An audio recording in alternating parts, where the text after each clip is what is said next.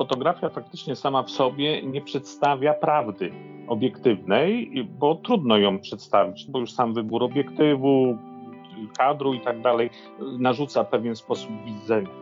Hasło manipulacja używam wtedy, kiedy ktoś próbuje uzyskać jakiś cel swój dla siebie i w tym momencie y, opowiada o tej fotografii w jakiś sposób nieuczciwy. Tak naprawdę zdjęcia musisz robić dla siebie, one tobie muszą się podobać. A jak się będą podobać innym, to super. I tutaj kwestia tych granic i tak dalej też jest istotna. My robimy zdjęcia dla siebie i te granice sami ustalamy. Jeżeli trafimy na grupę, która będzie akceptowała to nasze spojrzenie, to super. Poruszamy się w tej grupie, jesteśmy akceptowani, doceniani. To jest podcast Spotkania z przyrodą, odcinek 45.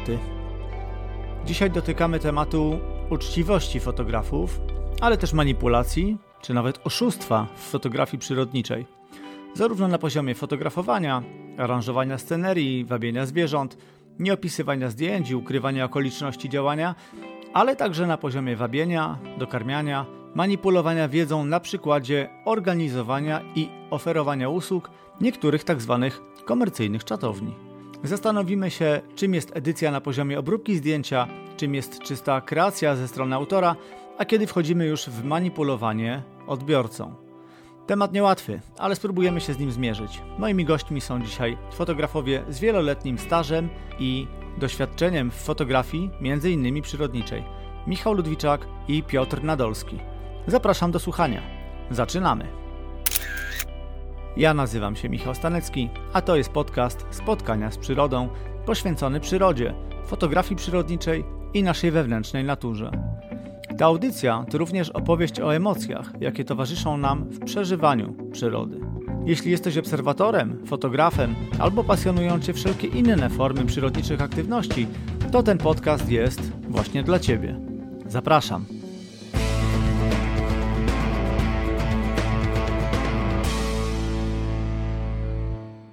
Na początek moja stała prośba. Jeśli ten podcast się Wam podoba, udostępniajcie go innym, polecajcie, oceniajcie, subskrybujcie. Bardzo mi na tym zależy, bo jest to dla mnie jedyne wsparcie, jakie dostaję. Dzięki tym działaniom mogę się troszkę y, promować z tym podcastem, a na tym mi bardzo zależy, żeby trafiać do coraz to większej grupy słuchaczy, odbiorców. Z góry Wam za to dziękuję. Dziękuję tym wszystkim, którzy są na tym polu bardzo aktywni którzy mnie wspierają, słuchają. Bardzo Wam za to dziękuję. Dzień dobry, drodzy słuchacze. Dzisiaj mam dla Was y, sporo tematów. Uzbierało się, to był taki dosyć intensywny czas, intensywny tydzień, intensywny weekend. Ja dzisiaj dogrywam ten odcinek, jest poniedziałek. Wczoraj była niedziela. W gościnnych progach y, Biblioteki Tuwim w Łodzi przy okazji promocji książki Zobacz ptaka opowieści po drodze mogłem wreszcie poznać osobiście Jacka Karczewskiego, który był już dwa razy gościem w moim podcaście, z którym doskonale mi się rozmawia. Jacek jest fantastycznym gawędziarzem i popularyzatorem przyrody, szczególnie ptaków, w których jest po uszy zakochany. On po prostu żyje z ptakami i żyje ptakami. To była wielka frajda poznać dziecka. Przy okazji poznałem też Agnieszkę Ciszewską, przemiłą osobę, niesamowicie y, zdolną artystkę, której akwarele znalazły się w książce Jacka jako ilustracje. Fantastyczna rzecz, dużo pozytywnej emocji. Zresztą na spotkaniu było też wiele innych fajnych, naprawdę bardzo zaangażowanych w przyrodnicze tematy osób. To było bardzo fajne, pozytywne doświadczenie, choć poruszaliśmy w dyskusji tematy niełatwe, bo Jacek opowiadał o książce i o ptakach, ale też odnosił się i my w dyskusji do no, naszej niepewnej przyszłości, chociażby tym, co się dzieje z klimatem. Ale nie chcę już w to wchodzić. Spotkanie było fajne, bardzo pozytywnie emocjonalne. Można się było tam naprawdę nieźle naładować takim pozytywnym klimatem. Druga sprawa to od y, właśnie tego minionego weekendu znamy już y, nowo nam panującego fotografa roku Związku Polskich Fotografów Przyrody na festiwalu Wizje Natury w Izabelinie. Ogłoszono wyniki konkursu na fotografa roku. Była też seria prelekcji, byli goście. Mm, duże i ważne wydarzenie dla świata fotografii przyrodniczej. Do wizji natury, do fotografa roku odniosę się po rozmowie z moimi gośćmi w ostatniej części tego odcinka. Teraz chciałbym nawiązać jeszcze do odcinka poprzedniego i mojej rozmowy z Dianą Maciągą o zmianach klimatu i takiej ekologicznej świadomości Polaków. Napisała do mnie po tym odcinku w komentarzu pod odcinkiem e, Ada Bogdanowska, również znana Wam z chociażby jednego z odcinków, czy z opowieści o salamandrze, czy opowieści o fotografowaniu płazów. Ada zwróciła uwagę na mm, ten fragment opowieści Diany, w którym y, Diana wspominała o tym, jak obserwowała w Pradze nutrię y, pod mostem Karola i y, opisywała swoją no, taką radość i ciekawość tej obserwacji. Ada zwróciła tutaj uwagę na fakt, że nutrie są gatunkiem tak zwanym inwazyjnym i chociażby w polskim prawie no, działania związane z takimi zwierzętami, z takimi gatunkami są w pewien sposób regulowane. To bardzo trafna uwaga, to znaczy ja nie miałem okazji zapytać o to już później Diany, natomiast e, sam tak sobie pomyślałem, że, że pewnie też e, e, na poziomie jakiejś, jakiegoś entuzjazmu miałbym radość z takiej obserwacji, bo to po prostu żywe zwierzęta nie? w środowisku. Natomiast no, faktycznie gdzieś potem przychodzi refleksja, że, że w środowisku, ale nie tym, co trzeba, nie, nie w tym miejscu, co trzeba, więc, więc powstaje tutaj taki zgrzyt. Pada zasygnalizowała ten ważny temat, to podłączę Wam link do informacji o tym, jak to z tymi gatunkami inwazyjnymi jest. Zresztą sama Ada, która jest przecież redaktorem naczelnym magazynu przyrodniczego Salamandra, odsyła nas do najnowszego numeru, w którym również informacje o tych gatunkach znajdziecie. To jedna rzecz w odniesieniu do poprzedniego odcinka. Druga jest taka, że już po opublikowaniu rozmowy z Dianą miałem taką kolejną, głębszą refleksję w tej kwestii e, zmian klimatycznych i świadomości ekologicznej Polaków. I powiem Wam, że czarno to widzę. Nie jestem tutaj optymistą. I co za tym przemawia? No to z czym się na co dzień stykam. O, mówię tutaj o tej świadomości. W kompleksie działek e, leśnych, w których cały czas mam no nadal jeszcze przyjemność urzędować, w moim końcu tych działek pod, pod, pod lasem E, naprawdę jest odpukać spokojnie i, i, i mamy e, fajnych sąsiadów. Natomiast e, no, sąsiadujemy też samym lasem, więc jest jakby od tej strony spokój. Natomiast tendencja jest w tej chwili taka, że mniej więcej na 10 działek kupionych mniej więcej 3 są wycinane zupełnie do zera. Czyli ludzie kupują leśne działki po to, żeby usunąć z nich wszystkie drzewa. No i pewnie będą się tam pojawiać trawniki i tak dalej, i tak dalej. To wszystko, co, co znacie. To jest y, pierwsza sprawa. Druga sprawa to jest to, co obserwuję od kilku ładnych sezonów, kiedy wzrosła nam świadomość y, smogu miejskiego.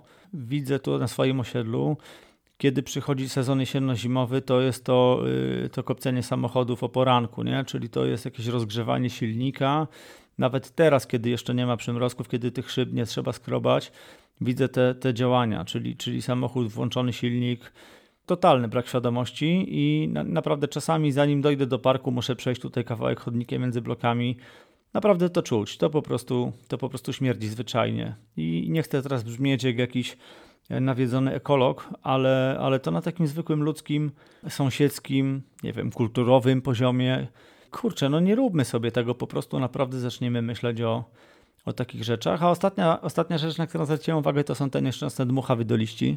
Miasto na afiszach tych swoich eko-zielonych niesie piękne hasła, że kończymy z dmuchawami itd., tak itd., tak ale już na poziomie osiedla niestety nadal to dzieje się według tej samej procedury, czyli zamiast zatrudniać firmę, e, która będzie musiała dać, nie wiem, 10, 20, 30 zamiataczy klasycznych z miotłami do, do liści, daje się dwóch, e, trzech facetów z dmuchawami, i oni robią za dużo mniejsze pieniądze, robią tę samą robotę, są bardzo skuteczni.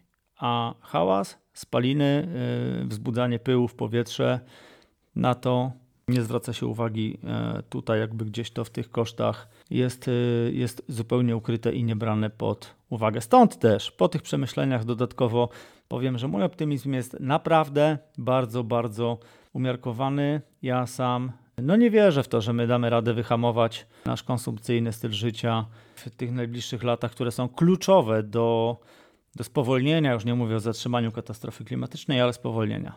To tyle odnośnie poprzedniego odcinka. A teraz będziemy mówić o edycji w fotografii przyrodniczej, o edycji zdjęć, o kreacji i o manipulacji. Do tej rozmowy zaprosiłem e, moich dwóch kolegów. E, Michał jest nadal związany z ZPFP, jest prezesem Okręgu Łódzkiego. Piotr jest e, byłym prezesem ZPFP Okręgu Łódzkiego. Obaj panowie związani są bardzo mocno od wielu lat z fotografią, również z fotografią przyrodniczą. Michał jest bardzo aktywnym fotografem, dużo czasu spędza w terenie. Także spróbujemy wspólnie wyciągnąć jakieś wnioski, przemyśleć sobie ten niełatwy temat. Zapraszam Was w takim razie do wysłuchania dość długiej, godzinnej rozmowy z Michałem Ludwiczakiem i Piotrkiem Nadolskim. Dobry wieczór panowie. Dobry wieczór. Dobry wieczór. Dziękuję, że przyjęliście zaproszenie. Nie proszę Was o przedstawienie, ponieważ y, miałem przyjemność gościć Was y, obu już w y, podcaście. Może tylko przypomnę słuchaczom, a w kontekście tej rozmowy i tego tematu wystarczy, jak powiem, że jesteście po prostu fotografami z dużym, dużym doświadczeniem. Michał, y, obecnie prezes Okręgu Łódzkiego Związku Polskich Fotografów Przyrody, e, Piotr Nadolski, były prezes, także myślę, że jesteście jak najbardziej uprawnieni do tego, żeby powiedzieć, jak y, wygląda Waszym zdaniem fotografia od strony edycji czy kreacji i kiedy i gdzie zahaczamy o manipulację. Ten temat sobie dzisiaj rozwiniemy, ale żeby tradycją tego podcastu stało się zadość, to zapytam Was, co u Was słychać ciekawego w Waszym fotograficznym świecie? Byliście w terenie? Michał, Ty pewnie, jak Cię znam, to gdzieś wypadłeś. Ja ostatnio w teren mało jeżdżę, trochę fotografii przyrodniczej mniej. Niektórzy osoby, które śledzą może moje poczynania na. No powiedz, na powiedz, co tam fotografowałeś ciekawego. No, no trochę, trochę samolotów, taka odmiana od, od przyrody, chociaż y, przyrodniczo też trochę było na wyjeździe. No bo kontekst, bo, nie? Y, no tak, tak. Właściwie można powiedzieć, że samoloty w kontekście przyrodniczym, ale i pojedyncze krajobrazy, jakieś, jakieś ładne przyroda też się trafiła, także, także połączenie dwóch światów, można powiedzieć. No a poza tym to jakby dla mnie zawsze ten, ten listopad, grudzień to jest bardziej czas taki festiwalowy, czas podsumowań i, i, i czas, kiedy mniej po prostu czasu spędzam w terenie. Te długie wieczory zimowe, jesienno-zimowe to też jest czas, w którym, w którym na przykład trochę porządkujecie swoje archiwa albo przeglądacie dorobek, nie wiem, czy świeży, czy z ostatnich miesięcy, czy z dłuższego czasu. Piotr, jak to u Ciebie wygląda? Ponurą zimą? No, tak, to znaczy ja lubię przeglądać swoje archiwa i dłubać przy zdjęciach, bo tak jak niektórzy rozwiązują krzyżówki, to mnie uspokaja na przykład odgrzebywanie starych zdjęć i próba spojrzenia na nie na nowo i pogrzebanie przy nich. W takim razie nie, nie, nie będę Was oszczędzał, jedziemy od razu, bo temat jest niełatwy. Chciałbym, jak już wspomniałem, przejść dzisiaj przez kilka takich pojęć, które towarzyszą nam e, fotografom towarzyszą generalnie fotografii dzisiaj. Edytowanie zdjęć, no bo mówimy o fotografii cyfrowej, na takiej się dzisiaj skupimy, czyli na tej dominującej w zasadzie dzisiaj wkoło nas. Na edytowaniu, czyli na tym ostatnim etapie tak naprawdę uzyskiwania fotografii, tak jak kiedyś wywoływało się zdjęcia w ciemniach, tak dzisiaj wywołujemy je w sposób cyfrowy. I o takiej edycji, e, jako tym pierwszym elemencie chciałbym porozmawiać. Na edycję zdjęć patrzymy tak, jak na wywołanie y, kiedyś y, negatywu i później uzyskiwanie odbitek. Czy tutaj mamy, mamy zgodę? Tak, dokładnie tak. Aczkolwiek możliwości są troszkę większe, może nawet y, i łatwiej jest to zrobić. Natomiast myślę, że tak, jeżeli chodzi o edycję, to jest dokładnie ten zakres. Mówimy tutaj o podstawowym zakresie no, obróbki, nazwijmy to tak roboczo, ale, ale jednak jest to, jest to kwestia wyciągnięcia tych podstawowych parametrów y, zdjęcia. Jeżeli fotografujemy w y, rawach, zapisujemy nasze obrazy w sposób taki cyfrowo surowy, tak można chyba powiedzieć, no to czym jest taka podstawowa edycja?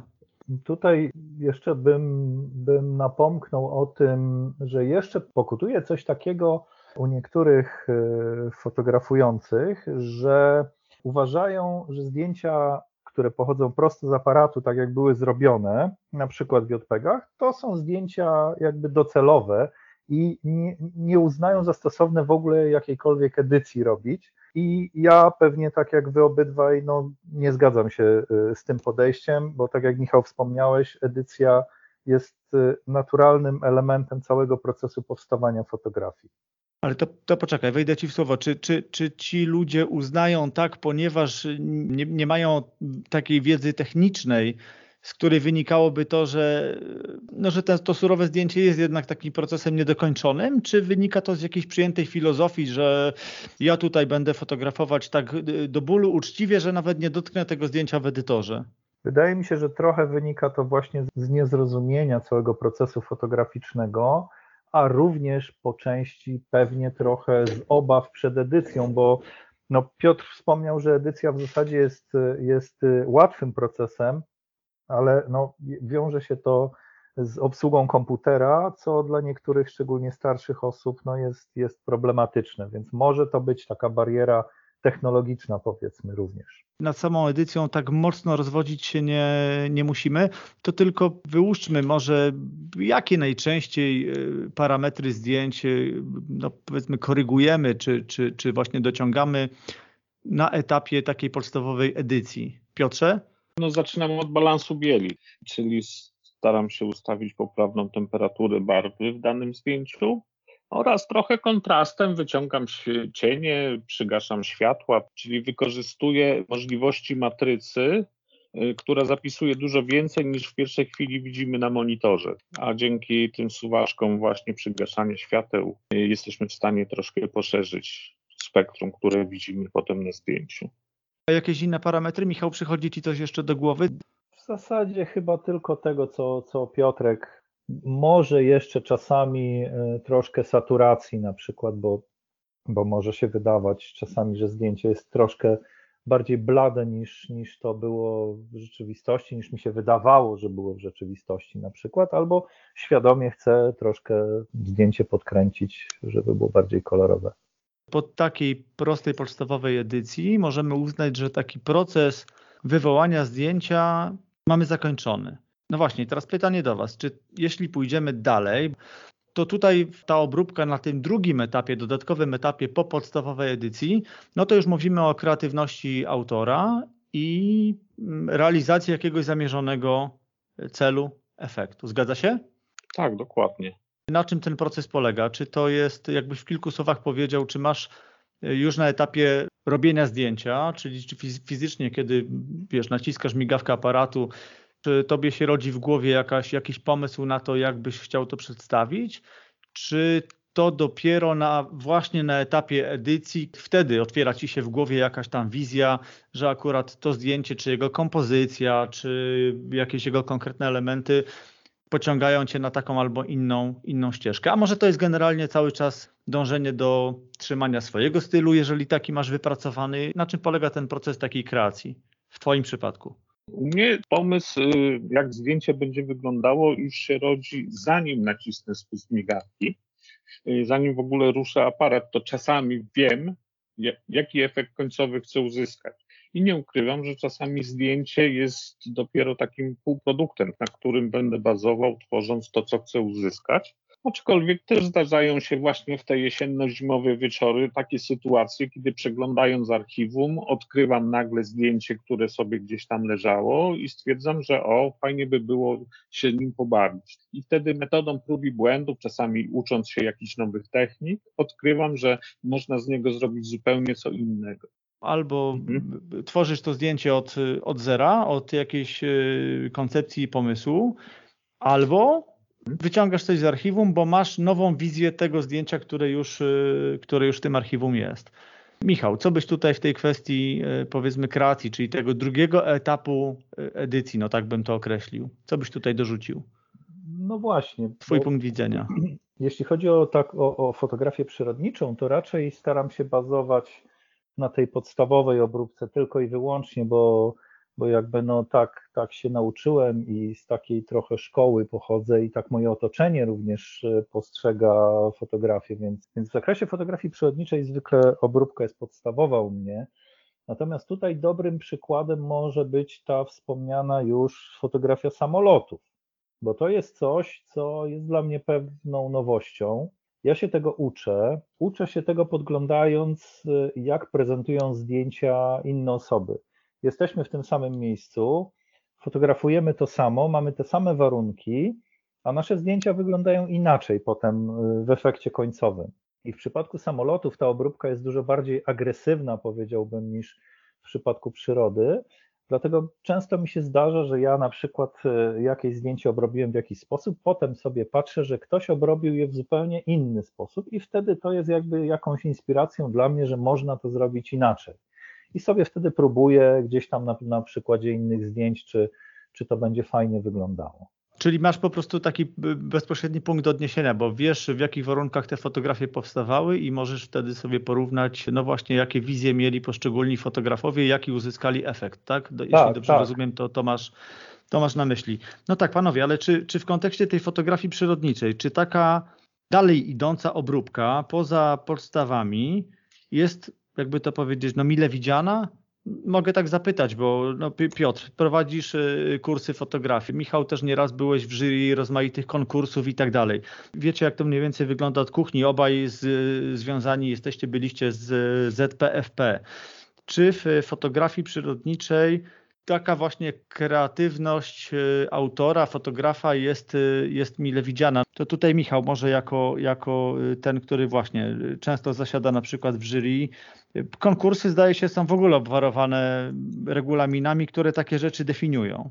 Tak, w konkursach bardzo często mamy określone, co wolno zrobić ze zdjęciem, a czego nie wolno. I zwykle tych obostrzeń jest dużo więcej niż tego, co, co, na co uczestnicy mogą sobie pozwolić, więc te zdjęcia z gruntu są jakby bardziej, no nie chcę powiedzieć surowe, ale takie mniej obrobione, bardziej może odwzorowujące przyrodę jako taką, te warunki, które mogły być, niż, niż jakaś kreacja w ogóle idąca w stronę stworzenia nowego obrazu, nowej jakości. Bo jeżeli tak, to wtedy no, zostawia się taką małą furtkę dla takich fotografów. Cóż, nazywamy to najczęściej taką dziedziną y, fotografii jak impresje, nie? W fotografii przyrodniczej, no bo to chyba wtedy już zahaczamy o to. Tak, tylko że jeżeli chodzi o impresję, to, to ZPFP i generalnie to środowisko, w którym się obracam, raczej toleruje mm, impresje uzyskane no nie w sposób y, jakiejś y, postprodukcji, edycji, tak, w sposób postprodukcji, tylko wykorzystując te takie optyczne bardziej, bardziej narzędzia, y, czy to jakąś, nie wiem, długą ekspozycję, czy niewielką głębię ostrości, czy zastosowanie ewentualnie jakichś filtrów fotograficznych, ale takich w trakcie tworzenia zdjęcia. Ta, tam, gdzie, gdzie to zdjęcie powstaje, w terenie, na aparacie, to wtedy tak, natomiast y, postprodukcja taka agresywna, można powiedzieć, jest niemile widziana. Ja pamiętam naszą e, rozmowę, bo mieliśmy kiedyś już okazję podyskutować na jednym ze spotkań e, ZPFP w Okręgu Łódzkim właśnie o manipulacji fotografii. Piotrek, ty mówiłeś o tym, że w zasadzie fotografia już na dzień dobry sama w sobie jest e, pewnego rodzaju manipulacją. Czy powiesz nam o tym w kilku słowach? Chciałbym zdefiniować y, słowo manipulacja, jak ja to rozumiem w fotografii, bo fotografia faktycznie sama w sobie nie przedstawia prawdy obiektywnej, bo trudno ją przedstawić, bo już sam wybór obiektywu, kadru i tak dalej narzuca pewien sposób widzenia. Dla mnie z kolei hasło manipulacja ma takie znaczenie złe. Mhm. Manipulację używam wtedy, kiedy ktoś próbuje uzyskać jakiś cel swój dla siebie i w tym momencie y, opowiada o tej fotografii w jakiś sposób nieuczciwy. Dla mnie zdjęciem zmanipulowanym jest zdjęcie przyrodnicze, nie wiem, no na przykład dziko żyjącego zwierzęcia, które było sfotografowane w niewoli, gdzie ta informacja zostaje zatajona. Czyli nie edytujemy zdjęcia, zdjęcie jest prawdziwe i nieruszone, natomiast dla mnie jest to manipulacja. Natomiast zdjęcie poddane mocnej edycji to jest kreacja. I teraz, jak daleko my idziemy z tą kreacją, to już jest nasz wolny wybór i kwestia naszego postrzegania świata. A kto Piotrze ustawia granicę? Czy, czy taką granicę ustawia fotograf i twórca, czy odbiorca? Przypadek, o którym wspomniałeś, czyli dziko żyjące zwierzę sfotografowane w niewoli, no to tutaj jeszcze pewnie dorzucimy pojęcie oszustwa zwyczajnie, no wiesz, no, no nazywając tak. rzeczy po imieniu, nie? Tak, no, czy podmiana nieba i nazwanie takiego zdjęcia fotografią, dla mnie jest to już fotomontaż. I kiedy twórca nazywa to fotomontażem, jest to uczciwe. On to tak widział i cześć, jest to jakiś tam trochę sztuczny twór, ale taka Czyli działanie jawne. Działanie, Działanie jawne, jawne, opisanie, dokładnie. ujawnienie zamiaru, no powiedzmy, że tego typu y, działania. Czy też nawet nie wypieranie się potem, tak? Bo jednak ludzie, którzy dużo fotografują, oglądając dane zdjęcie, wiedzą, jak daleko ta obróbka mogła pójść, bo jednak, tak jak Michał jest non-stop w terenie, więc on wie, jak te zachody słońca wyglądają, na przykład. W związku z tym, widząc jakiś abstrakcyjny zachód słońca, on już jest w stanie się domyśleć, jak mocno było wyedytowane to zdjęcie. Mhm. Problem jest u- przy tym, jak oglądają to ludzie, którzy jakby nie są wyczuleni i nauczeni, czyli tacy ludzie, którzy mało fotografują. Dla nich to mogą być rzeczy prawdziwe. I to jest, myślę, że tak wejdę w słowo, dzisiaj dość spory problem w fotografii, będąc na różnych forach, na mediach społecznościowych. Po prostu widać zdjęcia, które są, no mówiąc y, naszym językiem, trochę kręcone, po prostu suwaki są na maksa i te zdjęcia są modyfikowane mm, do, do uzyskania wręcz nierealnego efektu, a ludzie pieją z zachwytu, biją brawo, i jakby głos osób, które się znają na tym temacie, jest ledwo gdzieś tam słyszalny, to i tak się sprzedaje niestety. Dzisiaj prawda w fotografii nie jest szczególnie doceniana. Takie jest moje spostrzeżenie, smutne. Prawda nie psuje dobrej zabawy. Można i tak powiedzieć. To tak jak w niektórych pod, podcastach podobno też y, dominuje takie hasło, że niech prawda wam nie, nie, nie popsuje fajnej opowieści. Nie, nie, my tutaj trzymamy się, trzymamy się realiów i, i rozmawiamy o tym. Też Michał, jeszcze y, powtórzę to pytanie, czy, czy jak twoim zdaniem jest, kto ustawia granice, czy kiedy, do którego momentu kreacja, a od którego momentu już, y, już jednak taka manipulacja? Czy to będzie, tak jak mówi Piotr, kwestia ujawniania swoich zamiarów? Ja myślę, że tutaj tą granicę każdy fotografujący musi postawić sobie sam wewnętrznie. Każdy ma jakieś, e, jakieś swoje właśnie zasady, zgodnie z którymi te, te fotografie obrabia, przygotowuje, prezentuje.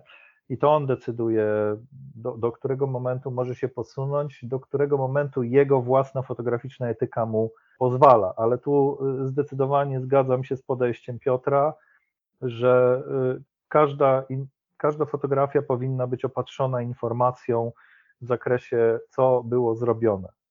I oglądający powinien mieć tą świadomość, że to zdjęcie to jest zdjęcie prawdziwe, w którym była, nie wiem, tylko rozjaśniane cienie, a tu mamy zdjęcie, w którym było podmienione niebo i, i kolorystyka y, kompletnie zmieniona. Szczególnie, że teraz y, widać, y, pojawiają się nowe narzędzia fotograficzne bazujące na sztucznej inteligencji, które potrafią takie rzeczy ze zdjęcia zrobić, że to po prostu głowa mała.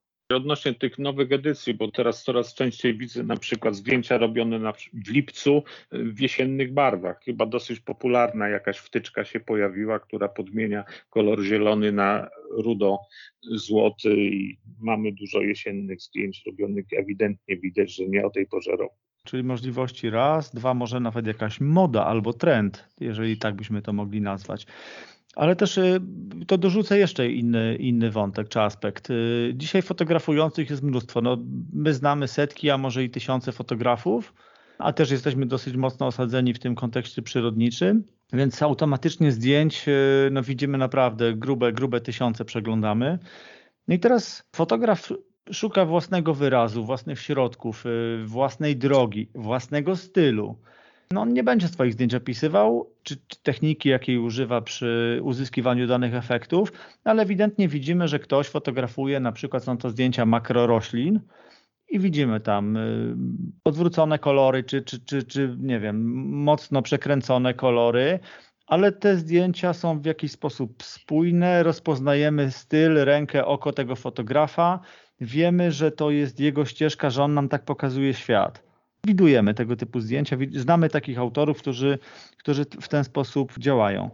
Czasem w ogóle mam, to już jakby wtrącę tutaj taką myśl, że czasami wiem, że dużo, na dużo pozwala nazwisko. Jeżeli człowiek jest fotografem uznanym, czy, czy też po prostu środowisko go poważa, jest mu, y, jest mu dane dużo więcej i, i dużo więcej będzie przyjęte z zupełnym spokojem. Nikt nie będzie wnikał, dopytywał, y, czy też, nie wiem, poddawał pewnych y, y, fotografii jakiemuś tam nadmiernemu analizowaniu. Natomiast, y, no właśnie, co z takim poszukiwaniem własnego stylu? Bo dzisiaj wiele, wiele tematów fotograficznych jest mocno ogranych, otrzaskanych. I teraz ktoś próbuje pokazać to trochę inaczej. I nie mówimy już tutaj o takiej fotografii bardziej dokumentacyjnej, tej przyrodniczej, która no, po prostu ma obrazować ten świat, który my widzimy w terenie, tylko no, ta, ta wajcha tutaj przesuwa się dosyć mocno na taką stronę artystyczną, właśnie tej, tej kreacji i tej formy takiej, takiej sztuki przez duże S. Znaczy, ja powiem tak, według mnie nie ma tutaj żadnych granic, znaczy z, z pewnymi wyjątkami. Czyli dla mnie to usuwanie ze zdjęcia elementów, które były istniały w terenie, jest niedopuszczalne.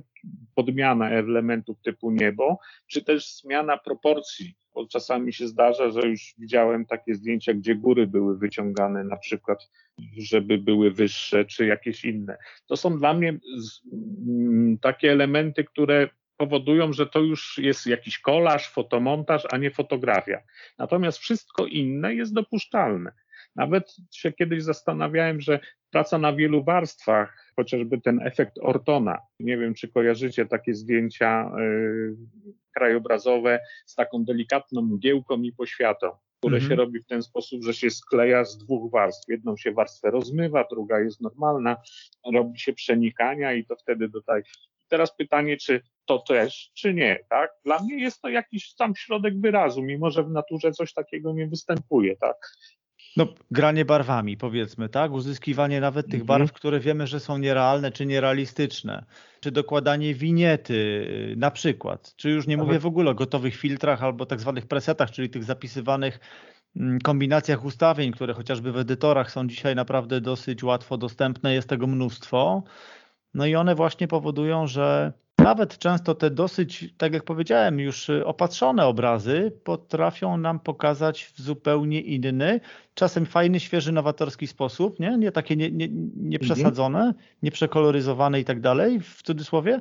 No a czasami, a czasami widać, że no jednak tego smaku i wyczucia yy, brakuje. Ale to co? To też znowu granica jest taka gdzieś tam u nas w głowie, w środku. Michał, co ty na to? Filtry presety. No, ja raczej nie korzystam, chociaż przyznam, że patrzyłem, jak moje zdjęcia wyglądają. E, I nawet jedną sesję z kwiatami wrzosu sobie takimi filtrami zrobiłem, ale jakby z zamierzeniem, że to jest e, właśnie pewien rodzaj kreacji, który nie ma być super realistyczny, tylko po prostu ma ma wyglądać w taki sposób, jak mi się będzie to podobało. I, już. Ale nie, nie musimy wcale daleko szukać, bo tu idziemy w kolory, w wymianę e, tła, a najprostszy i najstarszy rodzaj fotografii, fotografia czarno-biała. No nie, ani my nie widzimy czarno-biało, ani e, nasze aparaty nie widzą czarno-biało, więc to jest jakby już tutaj podstawowa mm, ingerencja, no, na którą możemy się zgodzić albo nie.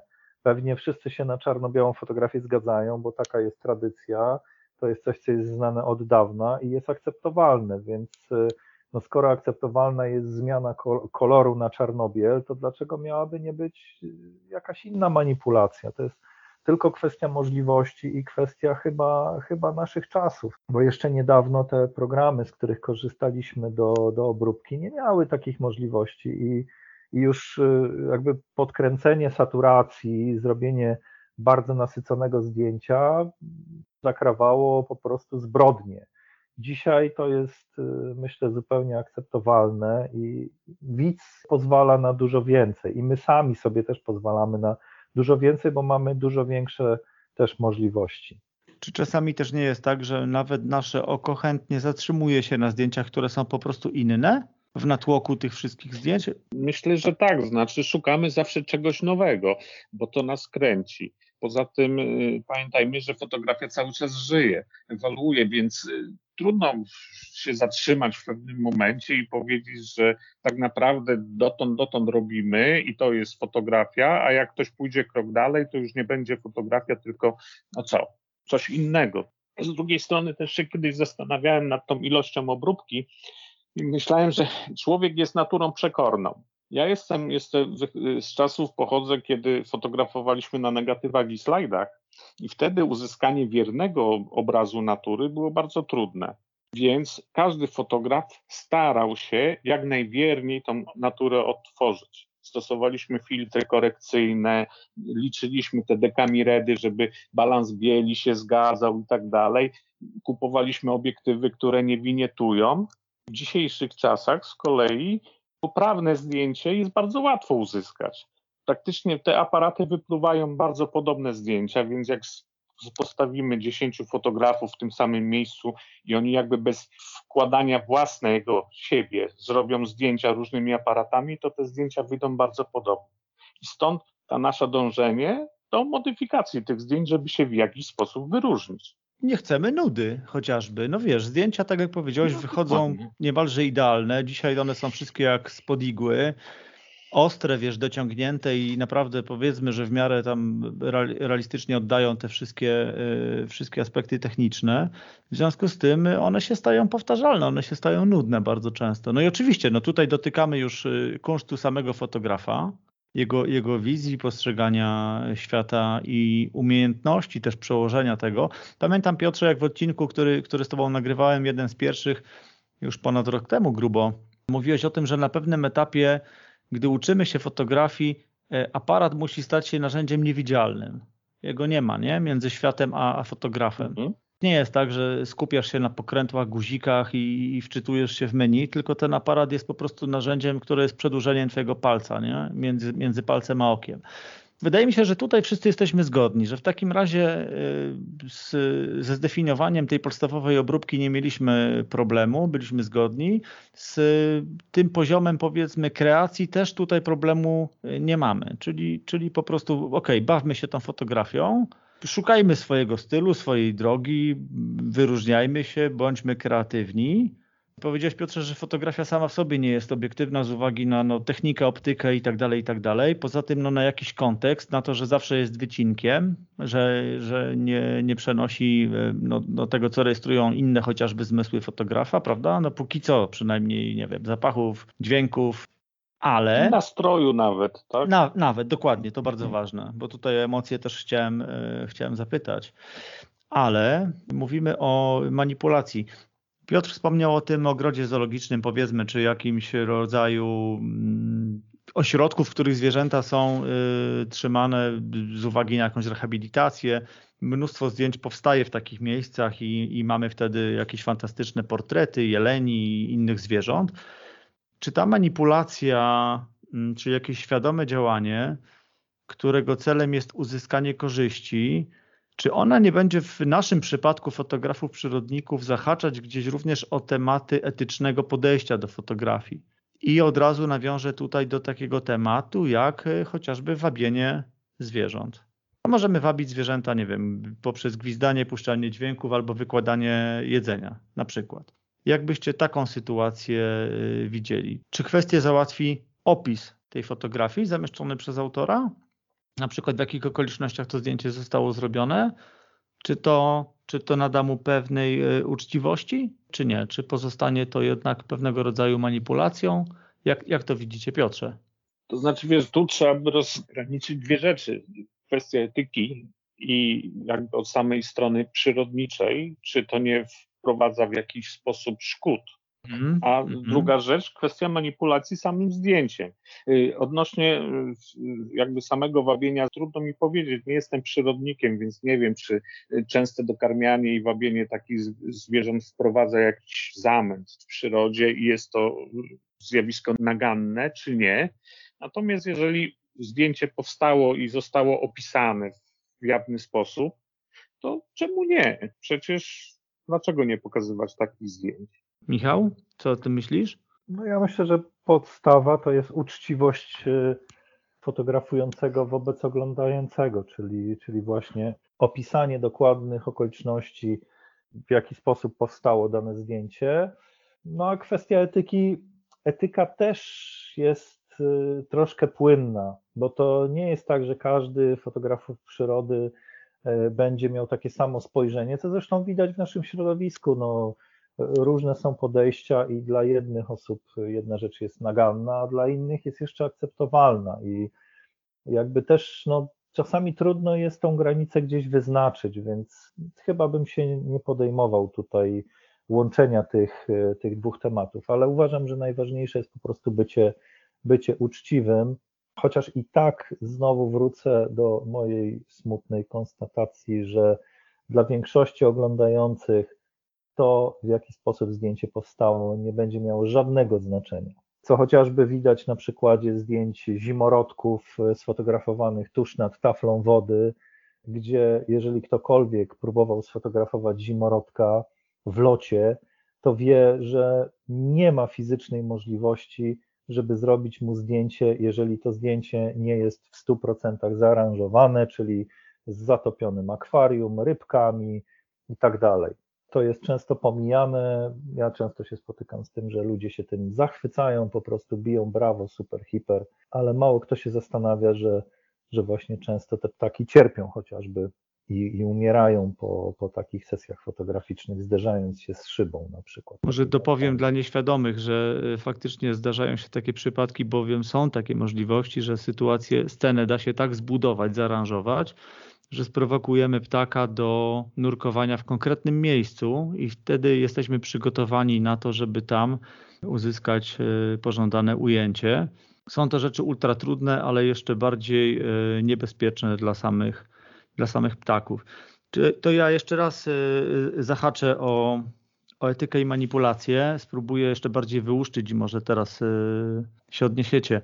Chodzi mi bowiem o to, że jeżeli uznajemy, że chociażby wabienie zwierząt jest dla nich niebezpieczne, a mamy już coraz więcej i to bardzo jednoznacznych głosów naukowców, ludzi, którzy te zachowania zwierząt badają, również w kontekście ich kontaktu z człowiekiem.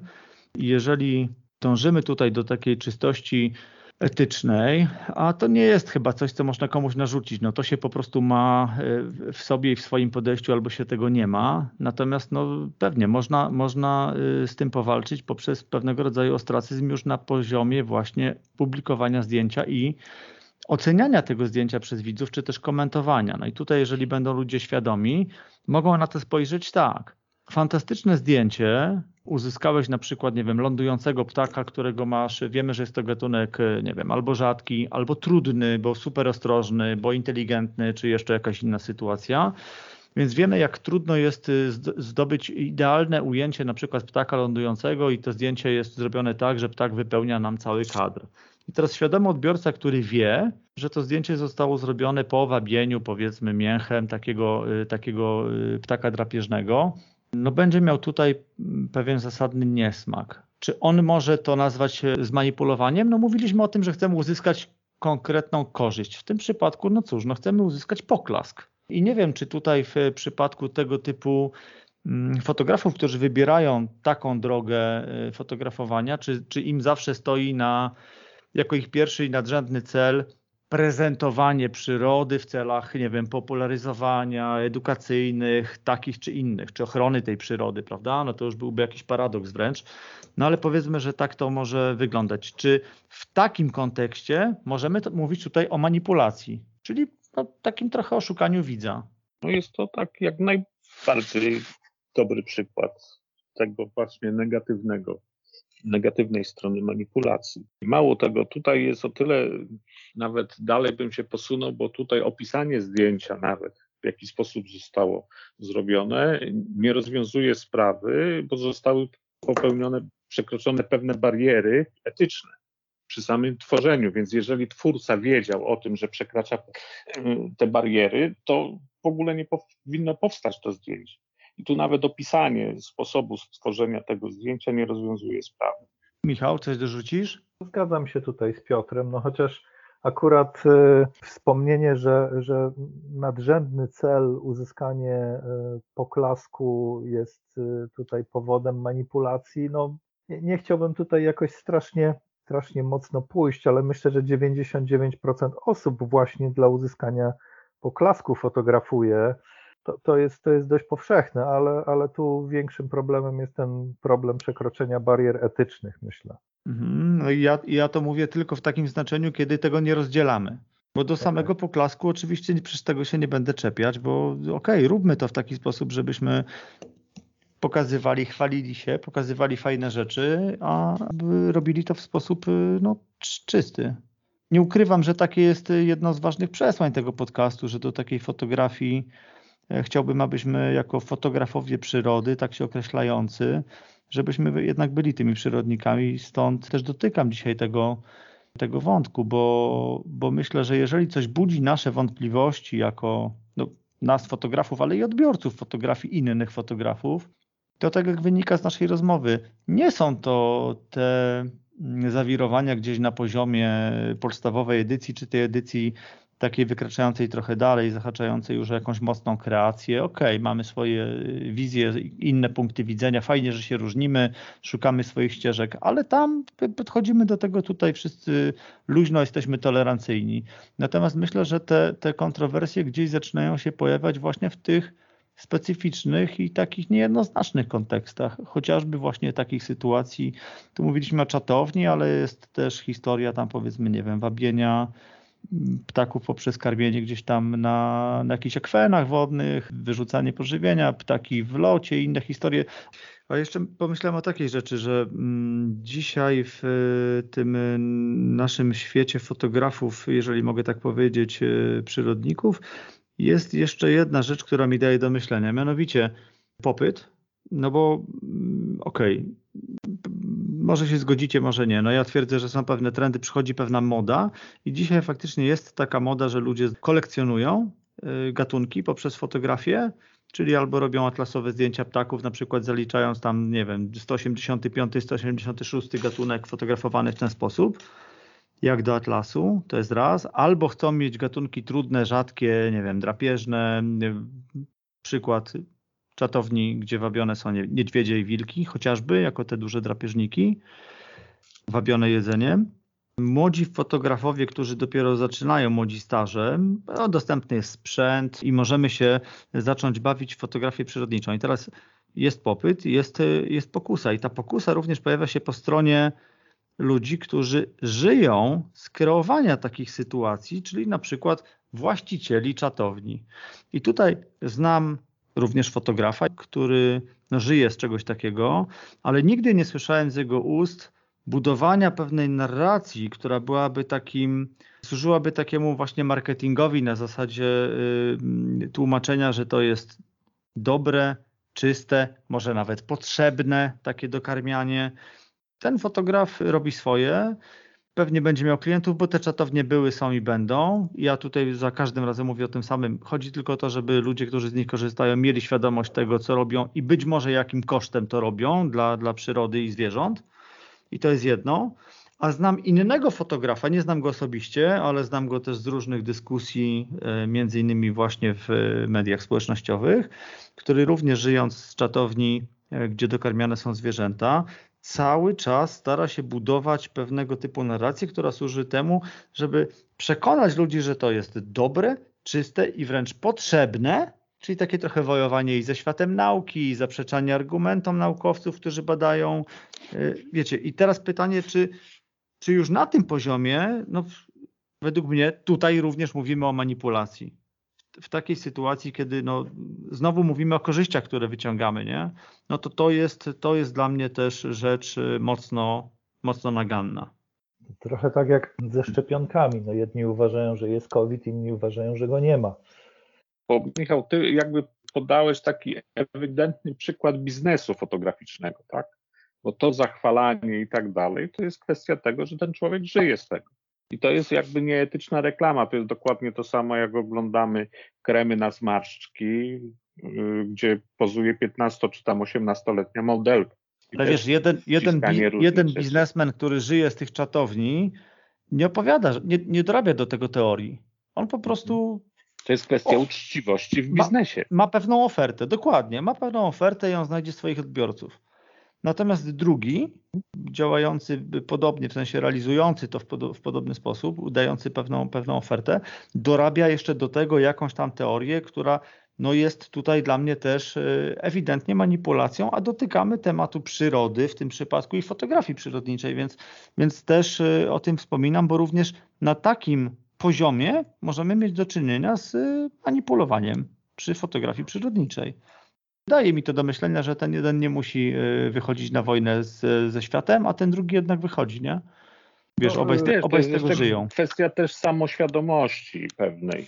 Tak mi się wydaje, że to może tak być, ale oczywiście nie musi. Może to, jak Piotrek powiedziałeś, jest to pewien rodzaj też uczciwości w biznesie. Pewnie, pewnie tak, to raz. Y, możemy tak pół żartem, pół serio, ale z drugiej strony już całkiem na poważnie mogę powiedzieć, że o ile i to przecież jest y, znane słuchaczom mojej audycji, moje podejście do, do wabienia y, zwierząt jedzeniem przed czatownie fotograficzne, że raczej nie mam tutaj w sobie żadnych wątpliwości i jest to dla mnie coś, co jest etycznie naganne, to jednego pierwszego ze wspomnianych y, właścicieli czatowni po prostu szanuje za to, że nie dorabia do tego nie wiadomo jakich teorii i być może w tym faktycznie jest jakiś rodzaj takiej uczciwości. Natomiast no, dzisiaj jest to zjawisko, które w ogóle robi się y, dość powszechne, bo, bo tak zwanych warsztatów, bo to tak się często określa, można znaleźć już naprawdę mnóstwo właśnie opakowywane to jest w e, tego typu formy działań, że my tu będziemy się uczyć fotografować przyrody i tak dalej, więc czasami są to działania mocno, mocno nieuczciwe. Jeszcze inni e, e, potrafią się też podpisywać jako na przykład biolodzy, którzy doskonale przecież wiedzą, co robią i e, też lansują swoje zdanie, swoje podejście do tematu. Także to, to wszystko będą też, e, to też będzie stąpanie po grząskim gruncie czy cienkim lodzie i też e, znowu takie odbijanie się od tej cienkiej granicy między właśnie jakąś świadomością, uczciwością, a zahaczaniem zwyczajnie o, o naciąganie albo oszukiwanie, albo właśnie manipulowanie w sposób świadomy. Nie? Również i, i w zasadzie tutaj tylko dla uzyskania konkretnych korzyści. O tym już było w podcaście, ale myślę, że dzisiaj to jest taki trudny temat i pytanie, czy z tego typu fotografią, która w tym cały czas kontekście, o którym mówimy, no jest w jakiś sposób nieuczciwa, chociażby dlatego, że te zdjęcia nie są opisywane przez fotografów, bardzo często nie są.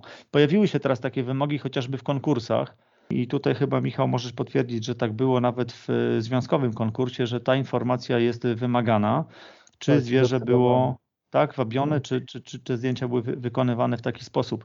Natomiast oczywiście, no jeżeli fotograf też nie napisze prawdy, no to już tutaj nie mamy żadnych, żadnych e, rozterek, bo no, wcześniej czy później taka, taka rzecz może wyjść na światło dzienne, a wtedy, a wtedy fotograf jest po prostu spalony w środowisku, no bo mówimy tutaj już o wtedy grubym oszustwie i, i takiej tęgiej nieuczciwości w y, jakby w odniesieniu do, do, do pozostałych. Także w, w konkursach tego tematu dotknięto. Myślę, że tutaj komukolwiek byłoby naprawdę trudno oszukać y, resztę fotografów, bo no, nie ma co ukrywać, że te miejsca, w których y, no, dzieją się, powstają te fotografie, o których mówisz, są miejscami znanymi, rozpoznawalnymi i w zasadzie no, można powiedzieć, że, że Zdjęcia z tych miejsc zostały wyrugowane z konkursów, przynajmniej y, związkowych, y, bo tutaj temu też się przygląda specjalna powołana komisja etyczna, która w przypadku wszelkich wątpliwości odrzuca takie, takie zdjęcia i to miało miejsce też chociażby przy rozstrzyganym niedawno ogólnopolskim etapie konkursu na fotografa roku.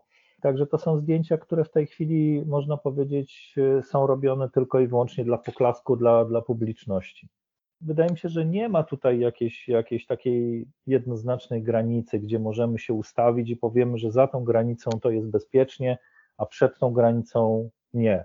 To jest bardzo trudny temat i myślę, że nie do rozwiązania. Dobra, to odchodzimy od tematów y, etycznych, y, bo nie dzisiaj w zasadzie o nich, a wrócimy jeszcze do, do samej manipulacji. Piotrza, strona techniczna, yy, używanie na przykład rozwiązań, które no w jawny sposób, y, y, no nie wiem, kłócą się z tym, co mamy w naturze. Na przykład doświetlanie. I nie dotykam teraz tematu, czy to zagraża zwierzętom, czy nie zagraża, bo jakby nie na tym się skupiamy, prawda? Ale no jednak chcemy uzyskać jakiś efekt i, i używamy sztucznego światła w, w warunkach takich naturowych. Jak, jak do czegoś takiego byś podchodził? Spokojnie, takie rzeczy też akceptuję, bo to jest nasza wizja i y, mało tego, jest to wbrew pozorom dosyć trudny temat, bo tu jest kwestia dobrania odpowiedniej temperatury barwy światła, żeby to się wszystko razem zgrało, zgrywało, kwestia mocy tego światła, ilości, bo wiadomo, że taki krajobraz to ciężko na przykład doświetlić, no można z latarką biegać i oświetlać drzewa, przy czym y, efekt może być bardzo ciekawy, acz widać, że nienaturalny. Ja tutaj bym nie mówił, że to jest coś nagannego. Michał, chciałem Ciebie zapytać, e, fotografowie mają też często ulegają, znaczy ulegają, mają taką pokusę, jak wpłynięcie na e, scenografię, w której, w której będą fotografować, czyli pewne zaaranżowanie sceny.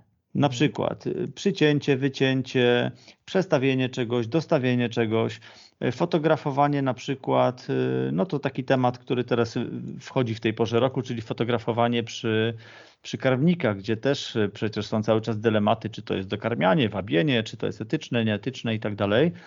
Jak w wypadku wilków i niedźwiedzi, tak w wypadku sikorek. Te ptaki y, y, przylatują, one są w naturze, ale mamy tam, nie wiem, 3 metry kwadratowe, które z naturą nie mają wiele wspólnego, bo, bo patyk został przyniesiony z, z, lasu i wkopany, do tego zostały dołożone dwa konary, coś gdzieś powieszone. W tle jeszcze dodatkowo pojawiło się coś albo coś mocno ubyło. I pytanie o tego typu sytuacje i tego typu y, wykonywanie fotografii. Czy tutaj mówimy o, o kreowaniu, czy o manipulowaniu? Jest to pewnego rodzaju manipulacja, no, trzymając się definicji Piotra, czyli chodzi tutaj o uzyskanie jakiegoś pozytywnego efektu przez stworzenie sytuacji, która nie do końca miała miejsce, no bo, bo te ptaki przy karmniku się pojawiają, wiadomo, no bo jest tam, jest tam pożywienie i budujemy swojego rodzaju studio. Aczkolwiek, no, znów myślę, że, że to jest też kwestia bardzo indywidualna. Dla kogoś to może być akceptowalne, dla kogoś to może być nieakceptowalne. No, jak na razie y, chyba nie zostało stwierdzone, że, że dokarmianie ptaków, łuszczaków, y, wróblaków przy, przy karmniku jest w jakiś sposób nieetyczne, chociaż wiem, że na ten temat również dyskusje się odbywają. Możemy przyjąć ogólną tezę, że, że to nie szkodzi przyrodzie, a w zasadzie dokarmia się, to, to dokarmianie wzięło się bardziej z potrzeby pomocy tym, tym ptakom przy, przy jakichś trudnych warunkach, żeby mogły przetrwać, a ta fotografia jakby pojawiła się, myślę, później, już jakby wykorzystując tą sytuację za, zastaną trochę. Myślę tutaj jeszcze o, o, o sytuacjach, gdzie na przykład robimy jakieś makrofotografie, a przy okazji wycinamy, no może nie pół łąki, ale jakiś ładny łan, bo nam, bo nam przesłania, tak, no to, to, to myślę też nie jest fajne podejście. Chociaż no, można z grubsza powiedzieć, że, że, że to też w jakiś tam sposób y, szczególny nie szkodzi. No ale, ale mnie się to akurat nie bardzo podoba. Chociaż osobiście zdarza mi się na przykład jakąś jedno, jedno czyść trawy na przykład y, usunąć, przyznaję się do tego, bo po prostu y, znajduję jakiś odpowiedni kadr z odpowiednim tłem i, i, i no, wszystko jest fajnie, ale jakieś jedno źdźbło wchodzi e, i przeszkadza i wtedy pozwalam sobie na usunięcie takiego, ale, ale to są naprawdę jakieś takie wyjątkowe sytuacje. Przypomniała mi się bardzo jaskrawa sytuacja, którą obaj znamy. Nie wiem, czy. czy Chyba czy, wiem, która. Czy Piotr, czy Piotr będzie wiedział, ponieważ było to dalece nieetyczne i, i, i zupełnie jakby naganne, przynajmniej w moich oczach. Chodziło o pewne zachowanie pewnego fotografa, jak powiedziałeś o makro, to mi się to przypomniało, że roślina, na której siedział owad, była ucinana, za roślinę i owada było dokładane sztuczne tło i w ten sposób y, owad był fotografowany i później przedstawiany y, był e, efekt w postaci y, gotowej końcowej fotografii, więc no, to już było naprawdę grubo i tu Michał pewnie wiesz o, o jakiej sytuacji Wiem. mówię. Tak, no to, to, to mamy też bardzo jaskrawy przykład tego, co ewidentnie jest manipulacją, zachowaniem też nieetycznym. To tutaj ewidentnie te wątki się splatają i tutaj pewnie się też z tym zgodzicie. Wiesz co, bo ja chciałbym mam jeszcze z kolei pozytywny przykład podać przygotowywania planu zdjęciowego w naturze, bo ja jeszcze x lat temu, kiedy fotografowałem na slajdach, w bagażniku samochodu zawsze woziłem worek na śmieci i rękawiczki gumowe. Fotografując na slajdach, musiałem sobie przygotować pole, które fotografuję, zbierając wszystkie śmieci, których potem nie byłem w stanie usunąć. W związku z tym no, też szykowałem sobie plan, aczkolwiek w jakiś sposób bardziej pozytywny. Dobre, dobrze, oczywiście, że tak. No właśnie, bo dzisiaj mamy możliwości w tej postprodukcji wspomnianej Tak jest, jeżeli mamy, no ale tu, tu też będzie pewna granica, bo powiedziałeś, że usuwanie obiektów ze zdjęcia, czyli starajmy się fotografować jednak patrząc y, i robiąc to świadomie, żebyśmy potem nie musieli nagle y, usuwać, nie wiem, słupa y, ze zdjęcia, a co innego paproch na matrycy, czy jakiś tam drobny, drobny jakiś obiekt, który przegapimy, a który ewidentnie będzie nam tę y, estetykę zdjęcia zaburzał. Trochę zbliżając się do końca, chciałbym zapytać, i tu Piotr, może od Ciebie zacznę. Jak myślisz, w którą stronę może iść fotografia? No trzymajmy się tej fotografii przyrodniczej. W którą stronę może iść fotografia, która no jest coraz trudniejsza, bo coraz więcej widzieliśmy na zdjęciach. Coraz więcej e, rzeczy się powtarza, coraz trudniej jest, no i dzisiaj chyba do tego sprowadza się sztuka pokazywania, ale też e, czy to nie jest na przykład tak, że w pewnym momencie gdzieś e, pęknie jakaś granica i na przykład wejdziemy właśnie w fotografie przyrodnicze, które będą w jakiś sposób odrealnione. Bo wiesz, pęd do tego, żeby pokazać coś świeżego, coś nowego, będzie, będzie posuwać ludzi do tego, żeby iść jeszcze dalej. Nie, myślę, że wiesz, no, zawsze może się pojawić jakaś nowa technologia, która spowoduje, że będziemy mogli tą fotografię w jakiś inny sposób przedstawiać. Zauważ, że w czasach fotografii analogowej w Polsce było chyba z dwóch fotografów, którzy się parali fotografią makro. Pojawiała się cyfra, y, makrofotografii mamy pełno. Nagle pojawiły się drony, mamy fotografię przyrodniczą z zupełnie innej perspektywy. Więc za jakiś czas może znowu się jakaś technologia pojawi, która umożliwi spojrzenie na tą fotografię w zupełnie inny sposób. Michał, jak ty to widzisz, jak patrzysz w przyszłość? Zanim spojrzymy w przyszłość, to bym tak nawiązał trochę do przeszłości, bo jeszcze nie tak dawno temu obchodziliśmy, to było bodajże podczas 15. rocznicy e, powstania Związku Polskich Fotografów Przyrody. Tam była taka prezentacja, gdzie mogliśmy oglądać stare zdjęcia. Oczywiście były to jakieś tam wyselekcjonowane najlepsze zdjęcia z okresu bodaj pierwszego dziesięciolecia, czyli, czyli między 95 a 2005 rokiem. I patrząc w odniesieniu do tego, co mamy dziś, co mieliśmy nawet wtedy, czyli, czyli powiedzmy rok 2015, to generalnie między tymi starymi zdjęciami a tymi nowymi, moim zdaniem, jest ogromna przepaść. Przede wszystkim przez to, że no mamy inne możliwości techniczne i dużo więcej fotografów jest.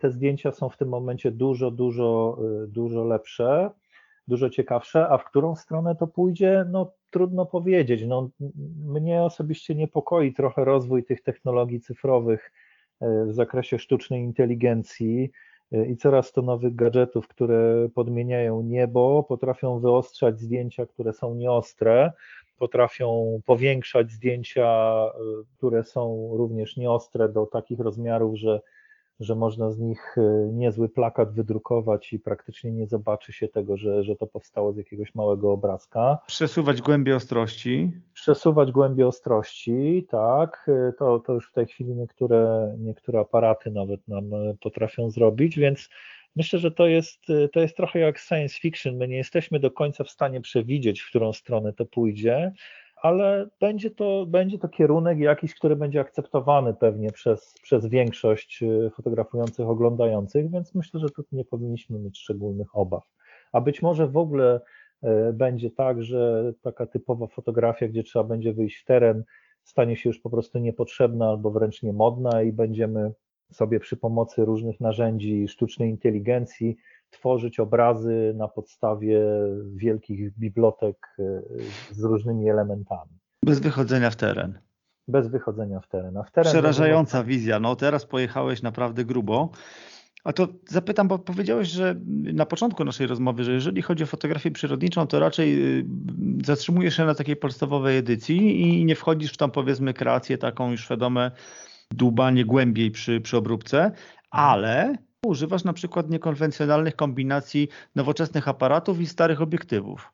Każdy, myślę, że każdy po jakimś czasie w fotografii, kiedy już no, osiągnął te, te możliwości sprzętowe, techniczne, super ostre zdjęcia makro, zbliżenia idealne, krajobrazy pięknie naświetlone, no, generalnie taką technologiczną doskonałość, zaczyna czuć pewien, pewien niepokój, taki, no nie wiem, czy można go nazwać artystycznym, twórczy niepokój, a może to będzie lepsze określenie, i po prostu szuka jakiejś swojej drogi, żeby, żeby pójść dalej. Tak?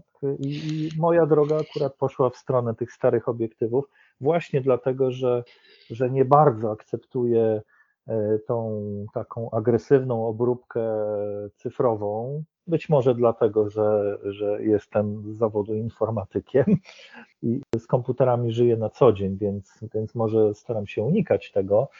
I chciałbym tutaj osiągnąć ciekawe efekty, niepowtarzalne efekty, znaleźć swoją drogę właśnie poprzez zastosowanie różnych e, starych obiektywów.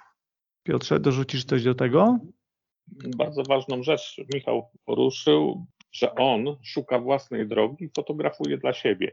Mówiliśmy wcześniej o tym mm, poklasku i tak dalej. Ważne chyba jest dla nas to, żebyśmy zdjęcia robili dla siebie, a ten poklask czy lajki na Facebooku, czy tak dalej, niech będą rzeczą wtórną. Ten problem ostatnio odkryłem y, na warsztatach, które prowadzę, bo jeden z kursantów przyszedł i powiedział, że zrobił bardzo dużo zdjęć, które mi się na, na pewno będą podobały. I wtedy mnie to tak ruszyło i mu tłumaczę, że tak naprawdę zdjęcia musisz robić dla siebie, one tobie muszą się podobać. A jak się będą podobać innym, to super. I tutaj kwestia tych granic i tak dalej też jest istotna. My robimy zdjęcia dla siebie i te granice sami ustalamy. Jeżeli trafimy na grupę, która będzie akceptowała to nasze spojrzenie, to super. Poruszamy się w tej grupie, jesteśmy akceptowani, doceniani. No to jest też kwestia pewnego osadzenia nas w otaczającym nas świecie jako fotografów.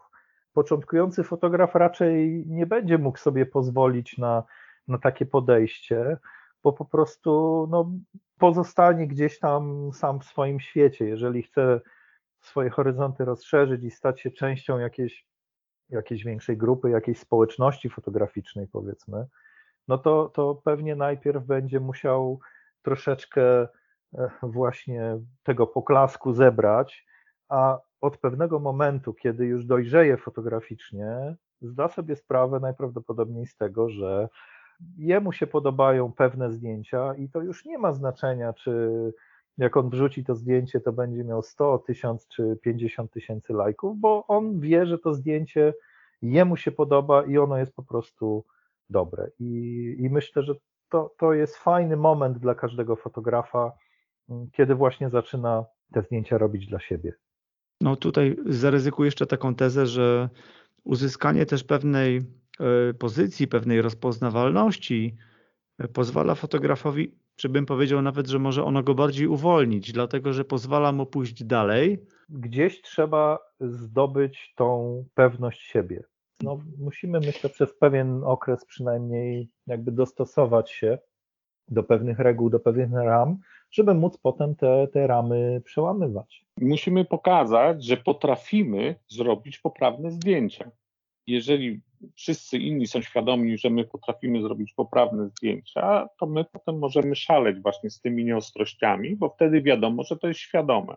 Czyli w też analizach y, zdjęć innych fotografów musimy być ostrożni, zachować więcej dystansu. O tym chyba mówiła w jednym z poprzednich odcinków y, Gośka Książkiewicz, że bardzo często na rozmaitych forach fotograficznych, gdzie ludzie wymieniają się opiniami, uwagami, pojawiają się takie głosy, że no tak, ale to zdjęcie jest nudne, bo nie wiem, bo nie ma planów, bo to, bo tamto. I ona mówi, okej, okay, ale to właśnie trochę jak z tym wierszem na polskim. To jest moja interpretacja.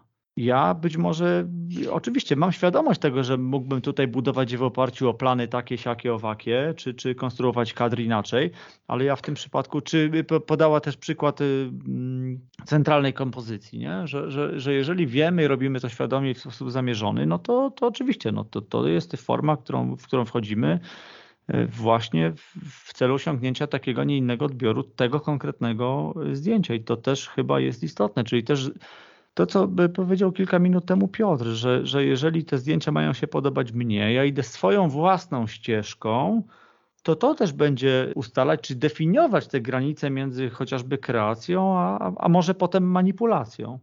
ale myślę, że, że główną krecią robotę tutaj nam zrobiły właśnie media społecznościowe i łatwość tego, w jaki sposób możemy zdobywać poklask. Dzisiaj te czasy i te możliwości generują faktycznie takie pokusy. I można tutaj faktycznie wyciągnąć ten przykład y, wilka, że jest taka moda w fotografii przyrodniczej dzisiaj do zdobywania trofeów. To chyba tak to można śmiało określić, że właśnie mm -hmm. fotograf, który jeszcze nie, nie przeszedł etapu sikorek w parku, już, już myśli o tym, żeby zasiąść w czatowni, przed którą y, no, zostanie przyprowadzony w cudzysłowie wilk, nie? Przywabiony -hmm. wilk. Dzisiaj to grono naszych odbiorców jest w zasadzie niepoliczalne. To jest też kwestia tego, że w tym całym świecie znajdziemy zawsze takich, którzy, no właśnie, którzy pochwalą i przyklasną. No właśnie, ale pytanie też, y, czy każdego naszego odbiorcę powinniśmy oceniać w ten sam sposób. Może y, oceniać, wyceniać jego lajki, powiedzmy, bo y, mówię o tym dlatego, że znam pewnych naszych kolegów, którzy mają bardzo dużo znajomych i są to osoby, których ci koledzy na pewno nie znają. I publikując nawet byle jakie zdjęcie. Budują sobie grupę fanów. Budują sobie grupę fanów i widać tych fanów, którzy po prostu e, no, powtarzają się ciągle te same osoby, wklejają jakieś e, ładne obrazki e, bijących dłoni, dłoni bijących tak, Moje ulubione gify. Tak, gify różnego rodzaju i to są ciągle te same, te same nazwiska, te same pseudonimy. Pytanie, czy powinniśmy takie osoby cenić, czy, czy wartość ma dla nas na przykład opinia naszych, naszych kolegów, a cała ta rzesza tych odbiorców, powiedzmy, nie, nie, nie związanych z fotografowaniem, no, jest jakimś tylko dodatkiem. No wiesz, czy to w ogóle jest wymierne, nie? Pytanie, bo, bo, bo podejrzewam, że nie. Znaczy na pewno każdy z nas ma osoby, y, y, które... Których zdanie ceni na przykład. Tak, dokładnie, dokładnie. Których zdanie ceni bardziej i, i na przykład powiedzmy like czy komentarz od jednej osoby będzie więcej wart niż 100 lajków od, od innych osób. To też hmm. jakby warto mieć to gdzieś z tyłu głowy, myślę. No plus oczywiście wartościowanie lajkami też nie ma sensu w dzisiejszej dobie, kiedy tak naprawdę liczbą wyświetleń Twojego zdjęcia steruje jakiś tam algorytm Facebooka. Masz 10 polubień Twojego zdjęcia nie dlatego, że ono jest złe, tylko dlatego, że akurat Facebook stwierdził, że nie wyświetli to Twoje zdjęcie 15 osobom raptem. Tak, no te algorytmy tutaj... są nieznane i niestety często też się zmieniają. W związku z tym, dlatego mówię, trzeba robić swoje i nie wartościować własnej pracy lajkami yy, czy jakimiś yy, tymi polubieniami w mediach społecznościowych. Jeżeli już, to kierujmy się komentarzami, które są dużo więcej warte niż jakieś tam kliknięcie, które ktoś tam przegląda w telefonie i automatycznie kciuk co drugie zdjęcie mu tam klika lubię. Zdecydowanie komentarz to jest to jest coś, co trzeba doceniać, bo chociażby z tego powodu, że ten ktoś musiał się chwilę wysilić, żeby ułożyć jakieś zdanie, żeby nam mhm. napisać, więc to jest du dużo, tak jak mówisz, du dużo bardziej wartościowe. Jeszcze do fotografii na chwilę, bo ja mam taki przykład z życia wzięty, teraz przyszedł mi do głowy, gdzie mamy zdjęcie wodospadu sfotografowane na długim czasie. O, ulubiony temat mojej żony. Przecież woda tak nie wygląda. Dokładnie tak. I Dlaczego kolegę, wy wszyscy ją tak fotografujecie? I mam kolegę, który nie jest fotografem i ma dokładnie takie samo zdanie. I dla niego to jest manipulacja, a wszyscy to robią. Nie jest to łatwy temat. Ciekawy technicznie. Ciekawy technicznie, ale chyba też nie odkleimy się tutaj od posiadania też umiejętności, no właśnie technicznych, Piotrze, bo przecież to nie jest tak, że ktoś yy, zrobi, nie wiem, poruszone zdjęcie i powie, że tutaj woda się ruszała. No to, to, to nie jest tak proste, to tak nie działa. To jest zamierzone działanie i, i oczywiście, no jak najbardziej stoi za tym najczęściej to, że my jednak chcemy oddać ruch, nie? Czyli tutaj już zahaczamy mm -hmm. gdzieś w fizykę tak. i o to, jak narzędzie, jakim jest fotografia, pozwala nam pokazać ruch. Czy będą to rozmyte skrzydła ptaka w locie, a ostra głowa, oko, dziób, czy będzie to woda płynąca w ten sposób, wyglądająca trochę jak wata, no tak. Kiedyś się nad tym zastanawiałem i postanowiłem świadomie przyjrzeć się takiej płynącej wodzie. I w zasadzie nie, nie jestem w stanie powiedzieć, na jakim czasie powinniśmy taką wodę naświetlać, żeby wyglądała tak, jak widzi ludzkie oko. wydaje mi się, że nie ma, nie, ma takiej, nie ma takiej wartości po prostu. Ludzkie oko widzi w pewien określony sposób i czy my tą wodę zamrozimy, sfotografujemy ją na jednej ośmiotysięcznej sekundy, to ona też nie będzie wyglądała w taki sposób, jak widzi ją ludzkie oko. Więc to jest, to jest trochę zarzut taki, no nie wiem, tro, troszkę płytki, troszkę nietrafiony moim zdaniem, jeśli już, jeśli już mówimy tutaj o, o tym temacie. No to widziałbym jeszcze taką analogię jeden do jednego w przypadku y, naświetlania nocnego nieba. No jeżeli otwieramy migawkę i naświetlamy przez, nie wiem, 30 minut i potem mamy efekt wow, bo widzimy drogę mleczną, przecież nasze oko tak nie widzi. W życiu nie było takiego nieba. No ale czy to nie jest urok fotografii, która pozwala nam dostrzec rzeczy, które w inny sposób nie bylibyśmy w stanie zobaczyć? Ale to możemy jeszcze prościej podejść do tematu, bo wystarczy wziąć teleobiektyw i zacząć fotografować. Przez teleobiektyw fotografując nie widzimy rzeczy takimi, jak je widzimy normalnie stojąc przy aparacie. Także nie musimy się tutaj do jakichś specjalnych technik y, posuwać. Wystarczy wziąć aparat do ręki, czy to z obiektywem szerokokątnym, czy, czy właśnie z teleobiektywem.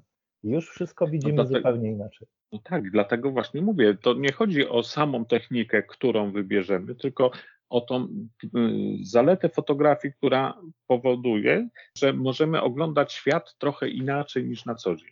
No właśnie, pytanie tylko, gdzie jest ta granica, gdzie jest trochę inaczej, a gdzie już jest manipulacja, ale chyba, no nie chcę tutaj za Michała wysuwać y, wniosków, ale wydaje mi się, że chyba nie bardzo nam się udało odpowiedzieć na to pytanie. W zasadzie chyba chodzi tutaj najbardziej o postawienie granicy, nie? czyli nie, nie postawimy mhm. tutaj grubej kreski między jednym a drugim, i myślę, że to jest po prostu wniosek z tej rozmowy, że tego nie da się w ten sposób y, uprościć, nie wiem, spłycić, y, bo temat jest y, bardzo, bardzo rozległy i głęboki.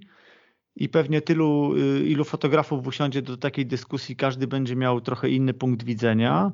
A wydaje mi się, że z tego, co w międzyczasie podczas tej rozmowy padło z Waszych ust, definiować nas będzie raczej pewna świadomość fotografa, pewnie też y, zamiar, jaki chce uzyskać, również w tym znaczeniu, czy mówimy tutaj o zamiarach czystych, czy też nie, bo nie tylko te artystyczne, prawda, poprzez jakieś zabiegi techniczne chociażby. Ja to, to co powiedzieliście, odbieram w taki sposób.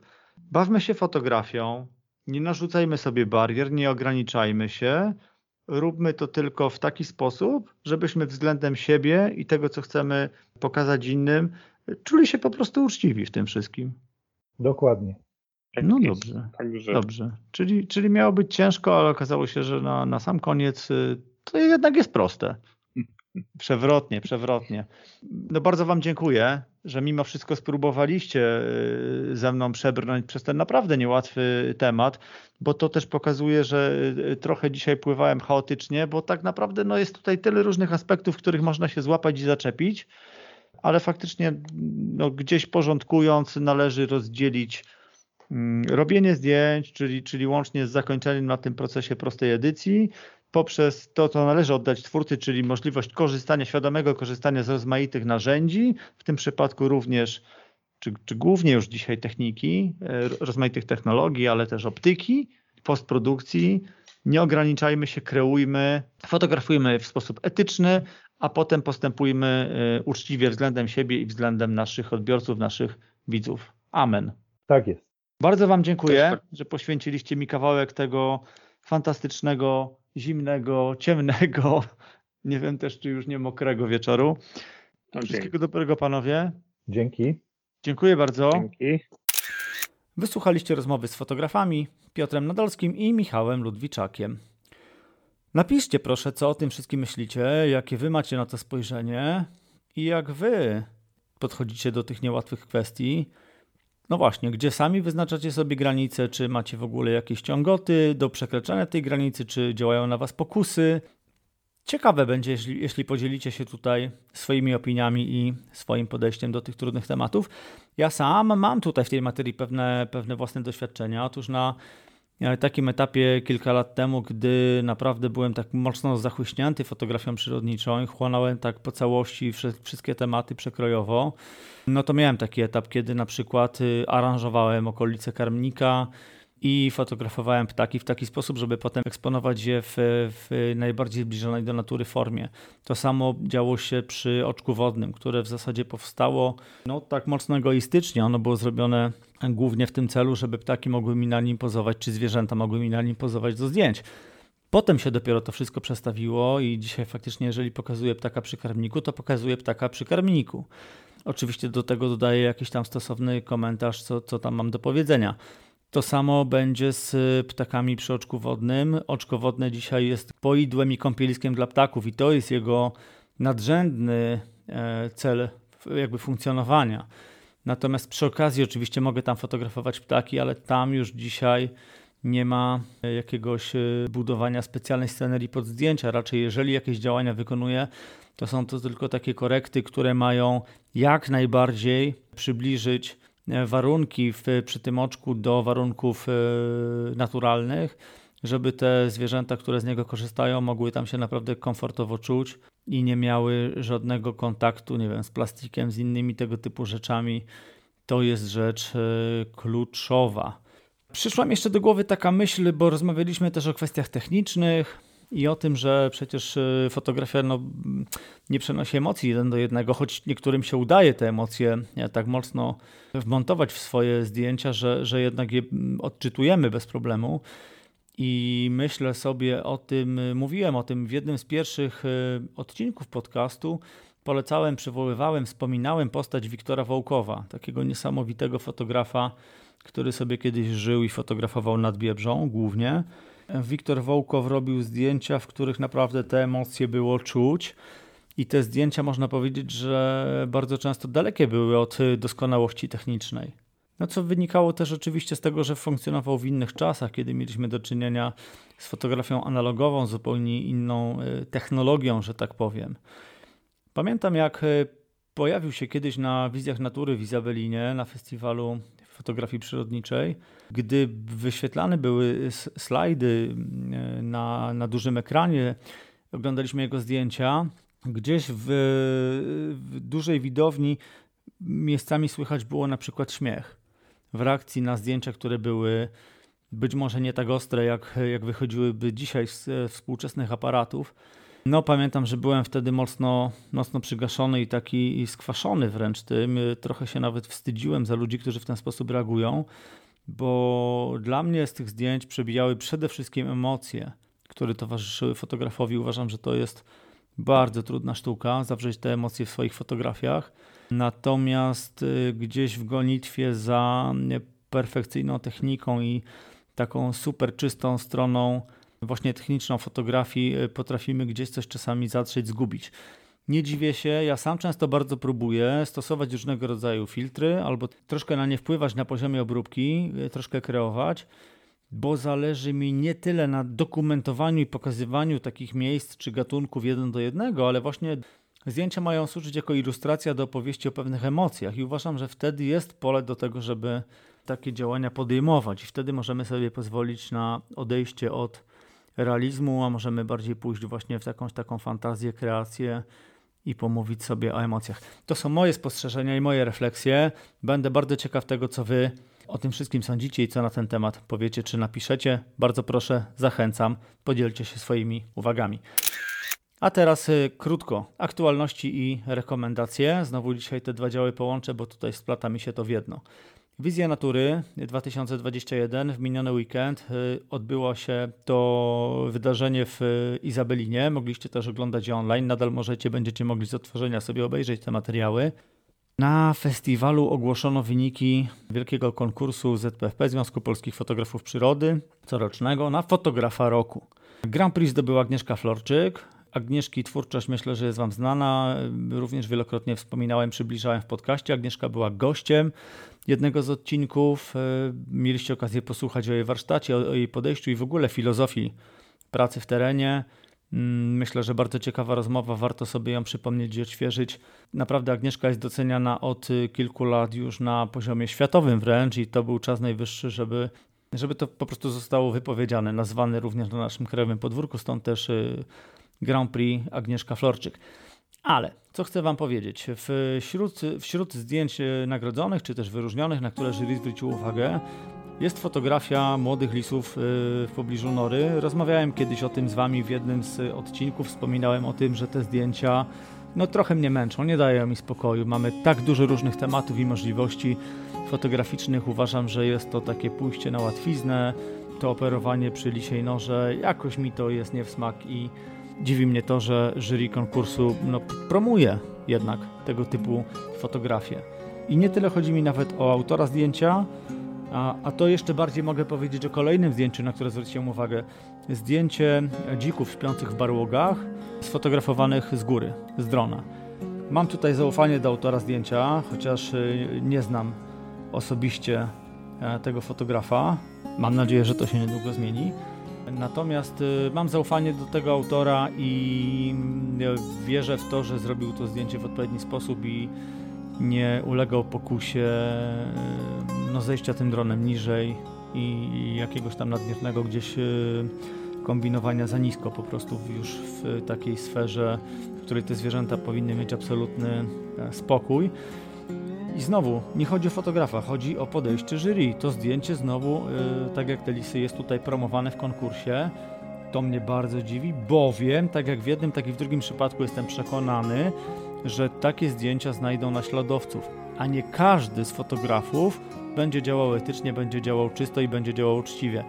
Będą tacy, którzy będą kombinować, będą właśnie ulegać tym pokusom.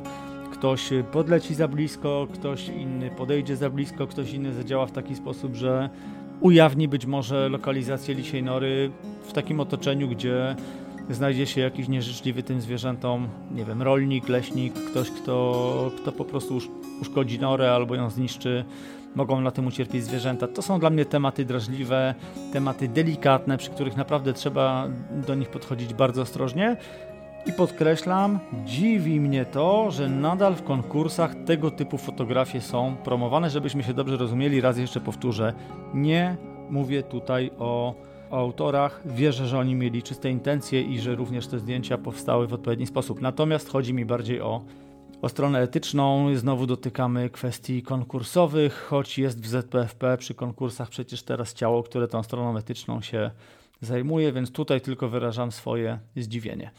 W opozycji kontrze do tego już na sam koniec chcę Wam zarekomendować, zresztą wrzuciłem taki post na Facebooku Spotkań z Przyrodą, zdjęcie mojego e, kolegi Krzyśka Korca, którego zdjęcia bardzo cenię, cenię jego podejście do fotografii. Krzysiek e, fotografował w pewnym miejscu, gdzie przez e, no, taki dość niedostępny jak na nasze warunki tutaj województwa łódzkiego las przepływa sobie kanał, rzeczka. Tam dzieje się dużo ciekawych rzeczy, tam często pojawiają się rozmaite zwierzęta. Nie chcę opowiadać o tym, co jest na tym zdjęciu, bo to nie bardzo mogę Wam tutaj opowiedzieć. Natomiast zdjęcie jest załączone, załączę je również do notatek do, do, tego odcinka podcastu, żebyście mogli je zobaczyć. To zdjęcie pokazuje, że nie trzeba być bardzo blisko, że nie trzeba działać z czatowni, że nie trzeba nawet mieć super ultra teleobiektywu, żeby fotografować e, ptaki drapieżne w środowisku, w naturalnej scenerii, bez interakcji, bez włażenia tam, wabienia itd. Tak i to zdjęcie ma w sobie jakąś nutkę, nie wiem, z malarstwa, ma coś takiego naprawdę fajnego. I uważam, że to jest dzisiaj duża sztuka umieć robić takie zdjęcia, znaleźć takie podejście, próbować to robić w ten sposób. Super fajna rzecz. Y, polecam, popatrzcie na to zdjęcie, zobaczcie, że można. No i to chyba tyle. Także dzisiaj trochę tych spraw było. Wszystkie linki, wszystkie notatki y, znajdziecie na stronie michalstanecki.com ukośnik 045. Zachęcam, komentujcie, piszcie, odnoście się, podpowiadajcie, zadawajcie pytania, dawajcie pomysły. Bardzo Wam dziękuję za to, że ciągle jesteście, że o sobie przypominacie, dajecie znać, że słuchacie, że słuchacie innych odcinków, że wysłuchaliście również tego odcinka. Za to szczególnie i serdecznie Wam dziękuję. Naturalnie usłyszymy się już wkrótce. Cześć!